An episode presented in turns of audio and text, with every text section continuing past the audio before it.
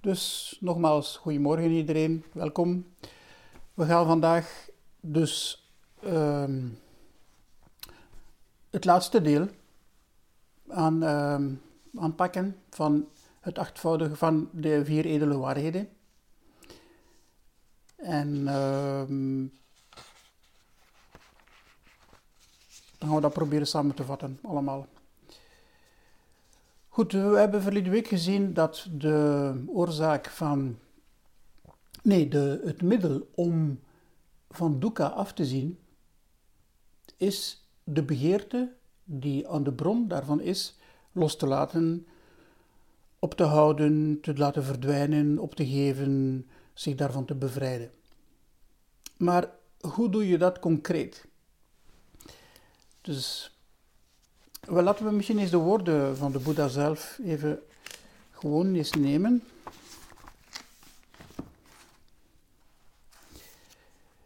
Dus dat is in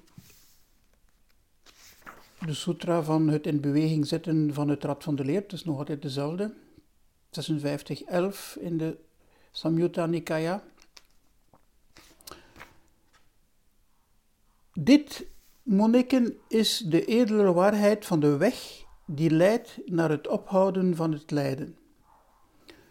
Het is dit edele achtvoudige pad, namelijk de juiste zienswijze, de juiste gerichtheid, de juiste manier van spreken, het juiste handelen, de juiste wijze van levensonderhoud, de juiste inspanning, de juiste aandacht en de juiste concentratie. Voilà. Eigenlijk een heel boterham. ik heb het uh, trouwens, ik ga even mijn screen sharen. Ik heb dat even genoteerd, zodat jullie dat kunnen... Ja, ik ga even heel mijn gehele scherm moeten pakken. En dan mijn documentje. Voilà. Ik hoop dat jullie dat zien. Voilà, juiste zienswijze, juiste inzicht. Ik heb het Pali-woord erbij geplaatst. Sama, samaditi, sama sankappa, sama vaka. Dus om te beginnen, sama, we vertellen dat heel veel als juist. Maar het betekent veel meer dan enkel alleen maar juist. Het is um, heelheid, volkomenheid, adequaat, perfect, diepgaand, integraal, zuiver, wordt soms ook gezegd. Dus het is meer dan alleen maar juist onjuist. Ja? Natuurlijk gaat het voor een stuk daarover, maar het, het is dus de volmaakte zienswijze, de integrale zienswijze, de diepgaande zienswijze enzovoort enzovoort. Voilà. Nu, als je ze zo allemaal uh, achter elkaar ziet, zoals, zoals ze hier staan, hè, gerechtheid, spreken, handelen, manier van levensonderhoud, is het een beetje, enfin, uh, je kunt het indelen. En ik heb dit op de volgende pagina geplaatst. Je kunt ze indelen volgens drie groepen. Je hebt prajna, en dat slaat over de juiste zienswijze en de juiste gerichtheid. Subiet eh, de inhoud van die, van die eh, aspecten onder de loep nemen. Dus dat is eigenlijk het, het domein van de wijsheid. Dan heb je het domein van, de, van het moraal, de moraliteit, van de ethiek, wat is goed, wat is slecht. En daarin komt juist spreken, juist handelen en juiste manier van levensonderhoud. En dan hebben we als derde alles wat te maken heeft met samadhi, met de concentratie, de juiste inspanning, de juiste aandacht en de juiste concentratie. Dus ik denk als je dat in je achterhoofd houdt, uh, dat dat misschien om te beginnen gemakkelijker is om ze te onthouden. En ook het geeft een beetje een structuur. Want als je ze alle acht in één keer zo voorgeschoteld krijgt, dan is dat zo een klein beetje overweldigend. Maar op die manier is er een, soort logica. Bovendien was het ook zo dat de Boeddha ze niet uh, zag als zijnde afzonderlijke deelaspecten van de beoefening, maar ze eigenlijk zag als zijnde één geheel. Ze hangen eigenlijk aan elkaar vast. Er is trouwens een tekst die van hem, waarin hij zegt de juiste zienswijze, zienswijze brengt tot de juiste gerichtheid. De juiste gerichtheid brengt tot het juist spreken, juist spreken, het juist handelen enzovoort enzovoort. Dus ze, ze hangen echt aan elkaar. En dat moeten we ook op die manier zien. Dus het is niet zo dat we eh, bij de beoefening ons enkel bezighouden met juiste zienswijze en als dat oké is, dan gaan we over naar de volgende. Nee, het is, als je met de ene bezig bent, komen de ander op een natuurlijke manier ook tot uitdrukking. Voilà. Bovendien, en ik ga nu even mijn screen even terug uh, plaatsen. Ah nee, ik heb eigenlijk nog een beeld hier. Voilà. Bovendien um, is dat achtvoudig pad wordt voorgesteld traditioneel door zo'n wiel. Ja, dat, ik vermoed dat jullie dat wel weten. En uh, met acht spaken. Dus dat zijn de acht deelaspecten van. Maar het is dus een gesloten eenheid. Ik bedoel, het, uh, ik zal straks wel iets zeggen over die geslotenheid en de openheid daarvan. Maar het is dus een, een, iets dat eigenlijk ja, in beweging blijft, maar eigenlijk een gesloten geheel vormt. Net zoals een wiel een gesloten geheel vormt en het mogelijk maakt om vooruit te gaan. Dit beeld hier is uh, gefotografeerd in het, het Tibetaanse uh, tempel in Hui. En is eigenlijk het allereerste symbool voor Boeddha. Dus twee herten die naar dat wiel kijken eigenlijk. En dat komt door het feit dat um, de preek van de vier edele waarheden gehouden is geweest in het Hertenpark nabij Benares in India. En dus vandaar eigenlijk die uh, symboliek. Dus lang voordat Boeddha-beelden werden gemaakt, want dat is pas vele, vele, vele later, hè, rond onze eeuwwisseling ongeveer, dus 500 jaar nadat Boeddha was, uh, had geleefd, werd dit beeld eigenlijk constant gebruikt als zijnde Boeddha, of de weg, of het boeddhisme, of hoe je het ook noemt. Van, die, die woorden bestonden toen nog niet. Maar voilà, dus dat is eigenlijk het belang van, van het edel achtvoudig pact, wordt hiermee wel echt aangeduid. Het is echt een belangrijk, uh, belangrijk ding. Nu ga ik even mijn share even stoppen. Voilà, oké. Goed, laten we dat nu even uh, in details bekijken. Laten we beginnen met de eerste. Ik ga eerst uitleggen wat traditioneel de opvatting was, zelfs in de, tijd van Boeddha. En dan in een tweede deel van de tijdshow zal ik meer het hebben over onze, want je weet dat er een, een, een verschil is tussen Theravada-boeddhisme en Mahayana, Zen behoort tot Mahayana. Um, voilà. Er is accentenverschuivingen. En ik ga ze dan ook even uitleggen. Goed, wat valt er eigenlijk allemaal onder juiste zienswijze? Voor de Boeddha was dat begrijpen wat heilzaam is en wat onheilzaam is. Dat is eigenlijk eenvoudig. Hè? Immoreel gedrag is onheilzaam. Zich onthouden van immoreel gedrag is heilzaam. Het kennen van de vier edele waarheden is de juiste zienswijze. Ook begrijpen hoe dat geboorte, ouderdom, dood en heel de cyclus van afhankelijk ontstaan werkt, met daarin uh, de zintuigelijke indrukken, die gevoelens creëren, die begeerte met zich meebrengt, die het toe-eigenen en de gehechtheden veroorzaakt en de vijf skanda's en de geboorte. Voilà. Dus dat, dat, heel dat die, die kringloop van, van, van het bestaan begrijpen, is de juiste zienswijze. De juiste gerichtheid, nummer twee, is uiteindelijk zijn geest richten. Ik vind dat een goede vertaling eigenlijk, gerichtheid. Het is echt, doordat, en ze zijn aan elkaar gelinkt natuurlijk, doordat je een aantal zaken begint te begrijpen vanuit je wijsheid, gaat je ook je leven anders organiseren, uw geest een andere richting doen geven.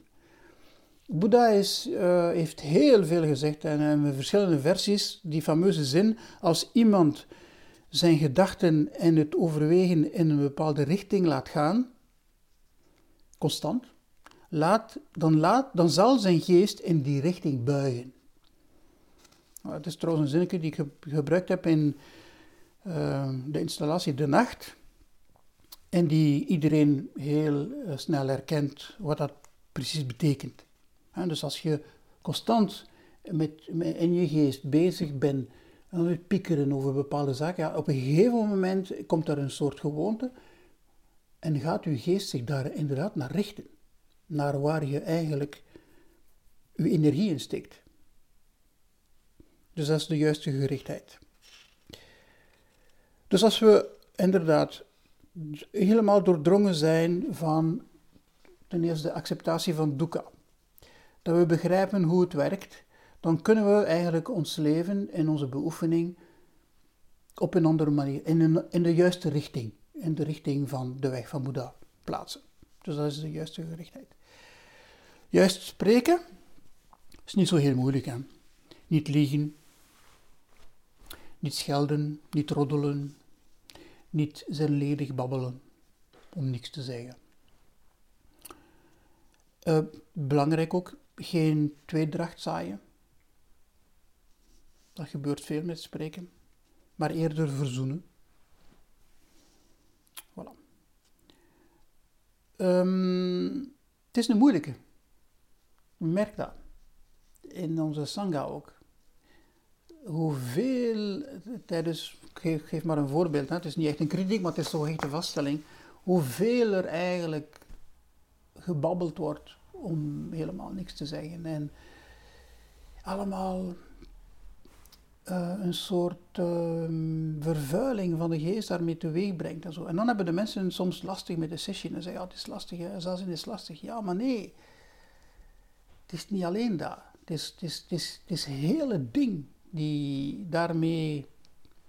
Dus er is iets in het feit dat we kunnen praten, wij mensen, die zorgt dat de zaken zwaar worden of niet zwaar worden.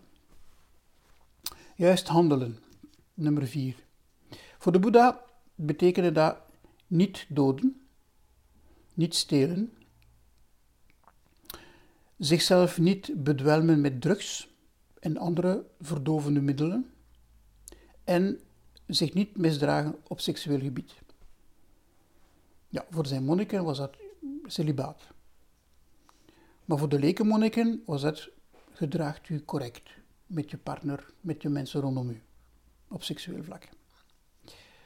Vijf, de juiste wijze van levensonderhoud. Dat betekent, hoe geraak je aan uw, aan uw geld? letterlijk. Dus voor de Boeddha betekende dat geen handel drijven in wapens, in vlees, in dieren of mensen, hm, slaven en dat soort dingen bestonden in die tijd. Ook geen handel drijven in verdovende middelen. Maar ook, het is een hele lijst, hè? geen oplichterij, geen mooi praterij voor eigen gewin, en nu zijn er een paar leuke teksten. Geen waarzeggerij. Geen afpersing. Ah, hier een leuke. Geen nastreven van steeds meer winst. Dat is iets dat uh, kan over, over uh, nagedacht worden. Wat bedoelt, uh, wat is dat dan? Steeds meer winst. Dat is een interessante, vind ik. En dan alles wat te maken had met magie. En dus geen magische kunsten, uh, verkopen. Uh, geen astrologie, geen uitspraken doen, geen toekomstvoorspellingen, maar ook geen weersvoorspellingen. dat is wel een, eh, een grappige eigenlijk. Dus de weerman. Hmm. Oké, dus dat is voor nummer 5. Nummer 6 komen we dus nu bij de drie uh, laatste, die eigenlijk voor de concentratie en de samadhi zorgen. Dus de juiste inspanning betekende voor de Boeddha voorkomen van het opkomen van slechte en onheilzame gedachten. Nee, geestes, geestestoestanden. Onheilzame geestestoestanden. Dus voorkomen dat dat komt. Stel dat die onheilzame geestestoestanden er zijn, die snel opgeven. Dat is nummer twee. Nummer drie, het laten opkomen van heilzame geestestoestanden. En nummer vier, het cultiveren van die heilzame geestestoestand. Dat was voor de Boeddha de juiste inspanning. Dan juiste aandacht. Um, dat is eigenlijk wat voor ons eigenlijk observatie is. Zichzelf observeren. Dus concreet helder bewustzijn van de staat waarin het lichaam verkeert. Van de gevoelens die men heeft. Van de geestesgesteldheid die men heeft. Zich bewust zijn van eventueel geestelijke loomheid en traagheid. Of het, andersom bewust worden van het feit dat we geestelijk opgewonden zijn. Sandran, Kontin in, in onze zen-vocabularium. Eh, er zijn heel veel uh, sutras die daaraan gewijd zijn. Ik ga er maar een paar geven. Ik wil dus dat per, mail nog eens doorsturen welke het zijn, maar dat zijn zo die hele bekende. Onder andere de Satipatthana Sutta. Um, er zijn er verschillende versies van. Je hebt ook de Maha, de grote Satipatthana Sutta. Dus dat is voor het boek voor het cultiveren van de aandacht. En ik heb hier vier verschillende, nee, drie verschillende versies. En de Majjhika Nikaya, en de Digha Nikaya en de Samyutta Nikaya. En die drie uh, is er zo een versie daarvan. En dan heb je ook uh, de Anapanasati Sutta. Dat is hoofdstuk 54. Aandacht op de ademhaling. Een hele, een hele boterham daarover. Dus Boeddha die had echt heel veel aandacht, letterlijk, op dat aspect van de juiste aandacht. Iets wat wij heel goed kennen natuurlijk met onze zen-meditatie. Uh, aandacht ontwikkelen, aandacht hebben, zich niet laten afleiden. Voilà. En dan het laatste, de nummer 8, juiste concentratie.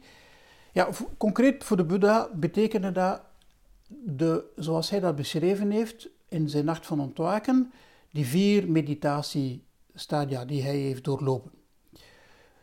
In onze zen-traditie gebruiken we die niet zo heel veel, maar ik ga ze even uh, opnoemen. Dus je hebt het eerste stadium, die uit afzondering is geboren en die gekenmerkt is met geluk en vreugde, waarbij je rustig kunt nadenken en overwegen. Dat is het eerste stadium. Het tweede stadium is um, nadenken en overwegen worden eigenlijk een klein beetje losgelaten en er komt innerlijke vreugde en eenpuntigheid van geest. Dan het derde stadium, uh, gelijkmoedigheid ontstaat. Aandacht en volle bewustzijn. En dan in het vierde stadium heb je een zuivere gelijkmoedigheid. Vrij van leed en geluk Voilà.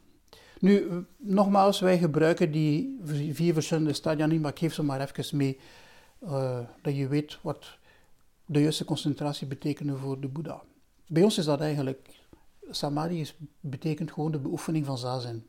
En natuurlijk, ergens herkennen we wel het feit dat je tot rust kunt komen door gewoon onbewegelijk te zitten en op je ademhaling te concentreren. Die inpuntigheid van geest die je krijgt, die gelijkmoedigheid, alles wat er verschijnt, observeer je op een, op een gelijke manier. Voilà, we herkennen die dingen wel, maar we gaan ze niet zo systematisch als zijn de vier verschillende stadia gaan omschrijven. Dus, samengevat nu. De eerste twee, die te maken hebben met prajna, betekent eigenlijk niks anders dan een juiste, hm, dan een gunstig context, ik had zo noemen. Een gunstig context te creëren om de geest te beoefenen. Om te beoefenen. Nou, dus een, juist een gunstig context voor de geest om, te, om met de beoefening te beginnen. De moraliteit, juist spreken, juist handelen, juist levensonderhoud, is een gunstig context creëren om samen te leven met de anderen op een harmonieuze manier. En de drie laatste, die te maken hebben met samadhi en concentratie, is een gunstig context te scheppen voor de meditatie. Voilà. Het is belangrijk om goed te begrijpen dat, en het is niet toevallig dat dat zijn allereerste ehm, leer is geweest, zijn allereerste preek. Omdat het acht, de, de vier edele waarheden en, en voornamelijk dat achtvoudig pad geen doel is, maar het is een middel. Je zou het eigenlijk bijna kunnen zeggen vandaag een soort checklist. En dat je afvinkt. Hoe ben ik bezig met dat? Hoe ben ik bezig met dat? Hoe ben ik bezig daarmee? En, enzovoort, enzovoort. Dus het is werkelijk een techniek, ja, letterlijk, die je kunt toepassen op jezelf om het probleem van dukkha helemaal op te lossen. Maar het is niet alleen dat. Zoals ik het dat straks zei, een gunstig context is het voor mij werkelijk een toegangspoort tot de rest van de leer van Boeddha. En de rest van de leer van Boeddha is eigenlijk die van de middenweg. Ja? Term die jullie waarschijnlijk al wel eens gehoord hebben. En dat is ietsje moeilijker om voor een beginneling goed te begrijpen wat die middenweg precies betekent. Daarom dat de Boeddha eigenlijk begonnen is met eerst heel eenvoudig die vier edele waarheden uit te leggen en dat achtvoudig pad, want dat zijn zaken, je begrijpt dat. Iedereen begrijpt dat. Juist spreken, juist handelen, de juiste concentratie, dat is niet moeilijk. Dat is zelf niks religieus aan. Er is niks, uh, het is geen dogma.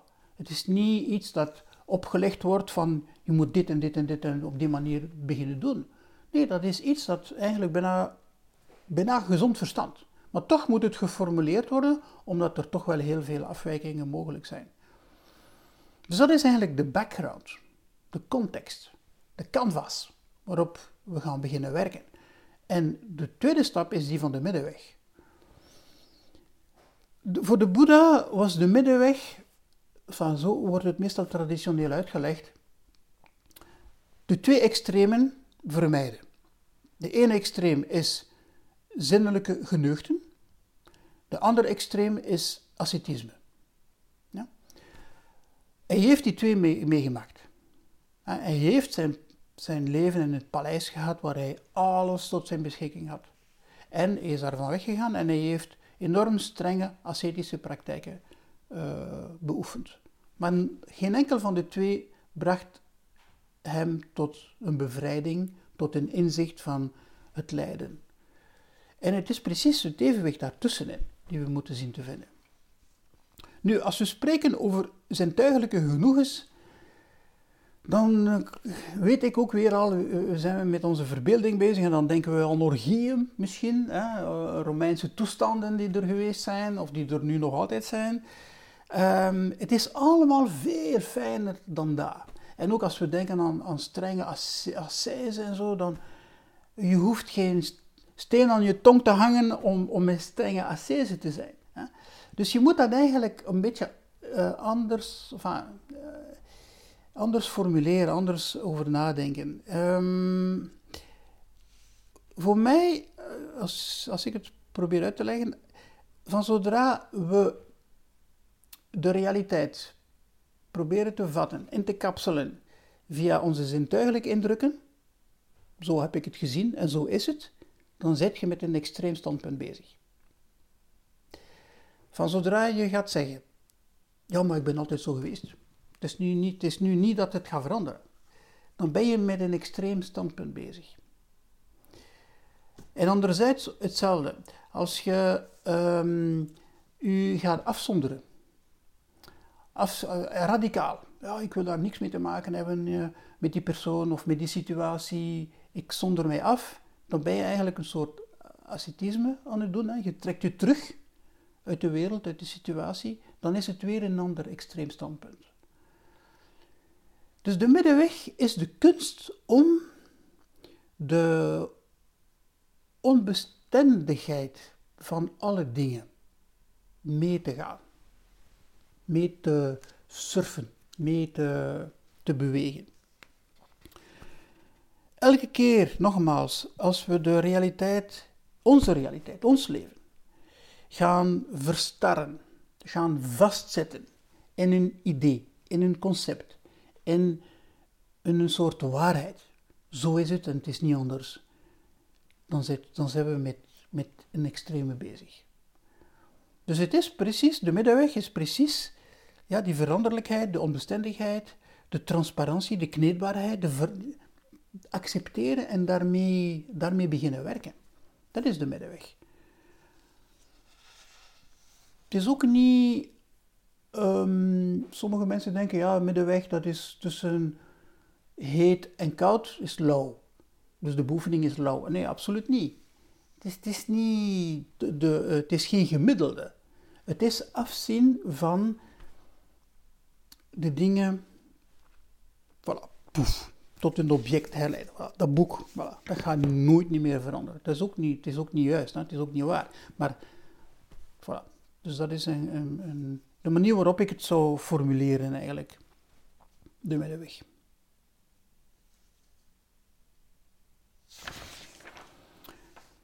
Nagarjuna is een Indische monnik uit de tweede, derde eeuw, die dat geherformuleerd heeft, de leer van de middenweg.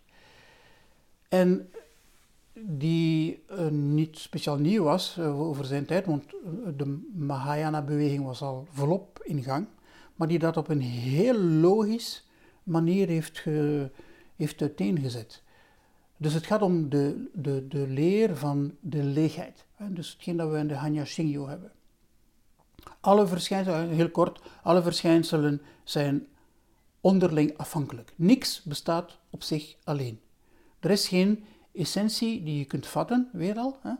Uh, kunt benoemen, kunt gaan uh, vastgrijpen en herleiden tot, tot een ding. Dat is, dat is niet zo. Dus dat was voor hem de middenweg. Ja? Dus de, de leer van Ku, de, leer van Ku, KU? Um, de leer van de leegheid van alle dingen. Ook de leegheid van onszelf, hè? van de vijf skandhas, en zoals het gezegd wordt in de Hanya Shingyo. Dus alle verschijnselen zijn onderling afhankelijk. Niks bestaat op zich alleen. Het was ook voor hem een middenweg tussen twee uh, extreme al, ehm, aan de ene kant alles bestaat, eeuwig, en aan de andere kant niks bestaat. Zie je? Dus dat was daar een, een dus in die periode werd in die termen over nagedacht. En hij heeft dus een hele filosofie, kan ik wel zeggen, eigenlijk ontwikkeld als een soort tegenargumentatie op de, op de filosofieën van zijn tegenstanders. dat kun je lezen in de Madhyamaka, Madhyakaya. Um, dus de verse van de weg van het midden. Goed, het is bijna rond. Ik ga een beetje moeten inkorten. Ja, ik wil even toch nog iets zeggen over dat die middenweg is eigenlijk een soort pragmatisme. Dus uh, sommige beoefenaars beginnen met, met, met zen met het idee van ik ga mij helemaal kunnen ontdoen van mijn illusies. Ik, ik zie af door mijn illusies, ik zie mijn illusies en dankzij de zazen, dankzij de meditatie zal ik mij daarvan helemaal kunnen ontdoen. Ja, dat is weer zo'n extreem standpunt. Zie je? En de middenweg, het achtvoudig pad, is precies een heel pragmatische aanpak om dat te vermijden. Als we zeggen we gaan dukkha helemaal verlaten. Forget it. Natuurlijk, moet ik het zeggen? Zoals ik het al straks zei, het is geen doel. Ja? Het is een manier om ermee te werken. Dus dukkha zal op de een of andere manier daar altijd aanwezig zijn. Maar het is de manier waarop we daarmee omgaan die compleet verandert. En die voor een soort verlichting zorgt. Dus het is een hele delicate kwestie van die illusies.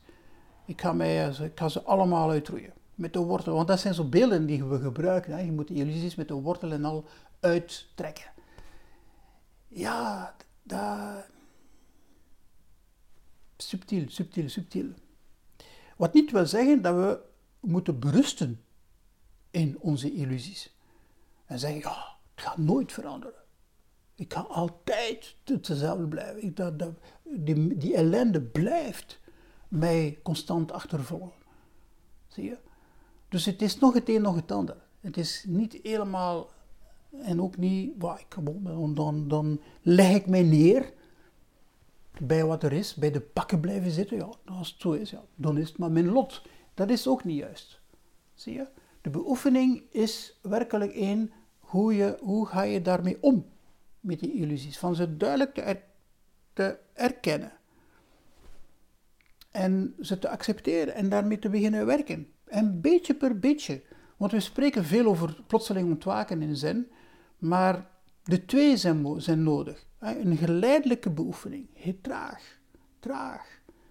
Beetje per beetje ons karma veranderen, dat is niet iets dat je doet van de ene dag op de andere.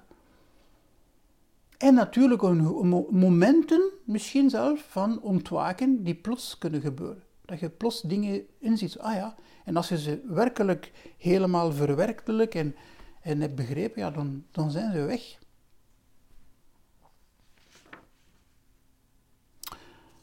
Voilà, als we dus nu de vier edele waarheden even nog moeten samenvatten. Belangrijk om te zeggen, belangrijk is om goed te begrijpen dat het zinloos is om te zeggen, ja, ik ken ze. We kennen ze nooit, helemaal. We moeten ze blijven onderzoeken en blijven uitspitten en blijven en herhalen. Ja? Um, dat vind ik toch een belangrijk iets van ze constant terug daar naartoe gaan. Want het is de context, het is de toegangspoort, het is de canvas waarop we gaan tekenen en schilderen. Het is, het is goed van, van er bij stil te staan. En ik ben heel blij dat ik nu deze vier tijdshow heb, heb kunnen doen, omdat het echt de, de basis is. Ja, het is niet toevallig weer al die allereerste preek van, van de Boeddha. En, die, die, en elke keer ze daar naartoe toe te gaan, die teksten te lezen, daarbij bij stil te staan, helpt elke keer opnieuw. Hè, om uw beoefening levendig te houden. Dus het is eigenlijk, het is geen systeem, maar het is een open, dynamisch, het wiel, dat beweegt, constant, dat vooruit gaat. Ehm, niet vooruit naar een bepaald doel, maar gewoon het leven gaat zijn gang. Ah, wel ja, dus het dharma-wiel van, de, van Boeddha, het achtvoudig pad, is iets dat ons in beweging houdt. En dat is het belangrijkste. Maar we moeten naar die beweging elke keer terug, terug gaan, terug er naartoe gaan. Dus dukkha, de eerste accepteren dat we ziek zijn, dat er iets schort, niet plan zijn en zeggen, wat allemaal oké, okay. ik oké. Hm? Dus dat is de eerste. Dan de oorzaak van dukkha begrijpen. Ja, onze gevoelens, onze begeerte, onze dorst. Alles wat, wat we ervan maken eigenlijk. Zorgen voor, en voor de, voor de gehechtheid. Ja, dus dat goed kunnen inzien. Dus niet gaan zeggen, ja, dukkha, dat is de fout van de coronavirus. Hm, dat hebben we genoeg gezegd, denk ik. Het, is, het niet extern aan ons, maar het is echt werkelijk ons manier van daarmee om te gaan met dukkha. Dat is de oorzaak daarvan dan de mogelijkheid tot genezing. En dat ook zien, dat het mogelijk is om te genezen. En goed begrijpen dat dat genezingsproces een proces is en misschien nooit helemaal zal verwezenlijkt worden. Nirvana, hebben we verleden week gezien, dat is niet iets dat je zo kunt pakken weer, dan zit je al fout eigenlijk. En dan vandaag, het achtvoudig pad, een gunstig context. Zo, zo gunstig mogelijk om de beoefening te, te doen. En dat is zo voor het begin van de beoefening. Je bent echt een, een, een beginneling in die beoefening.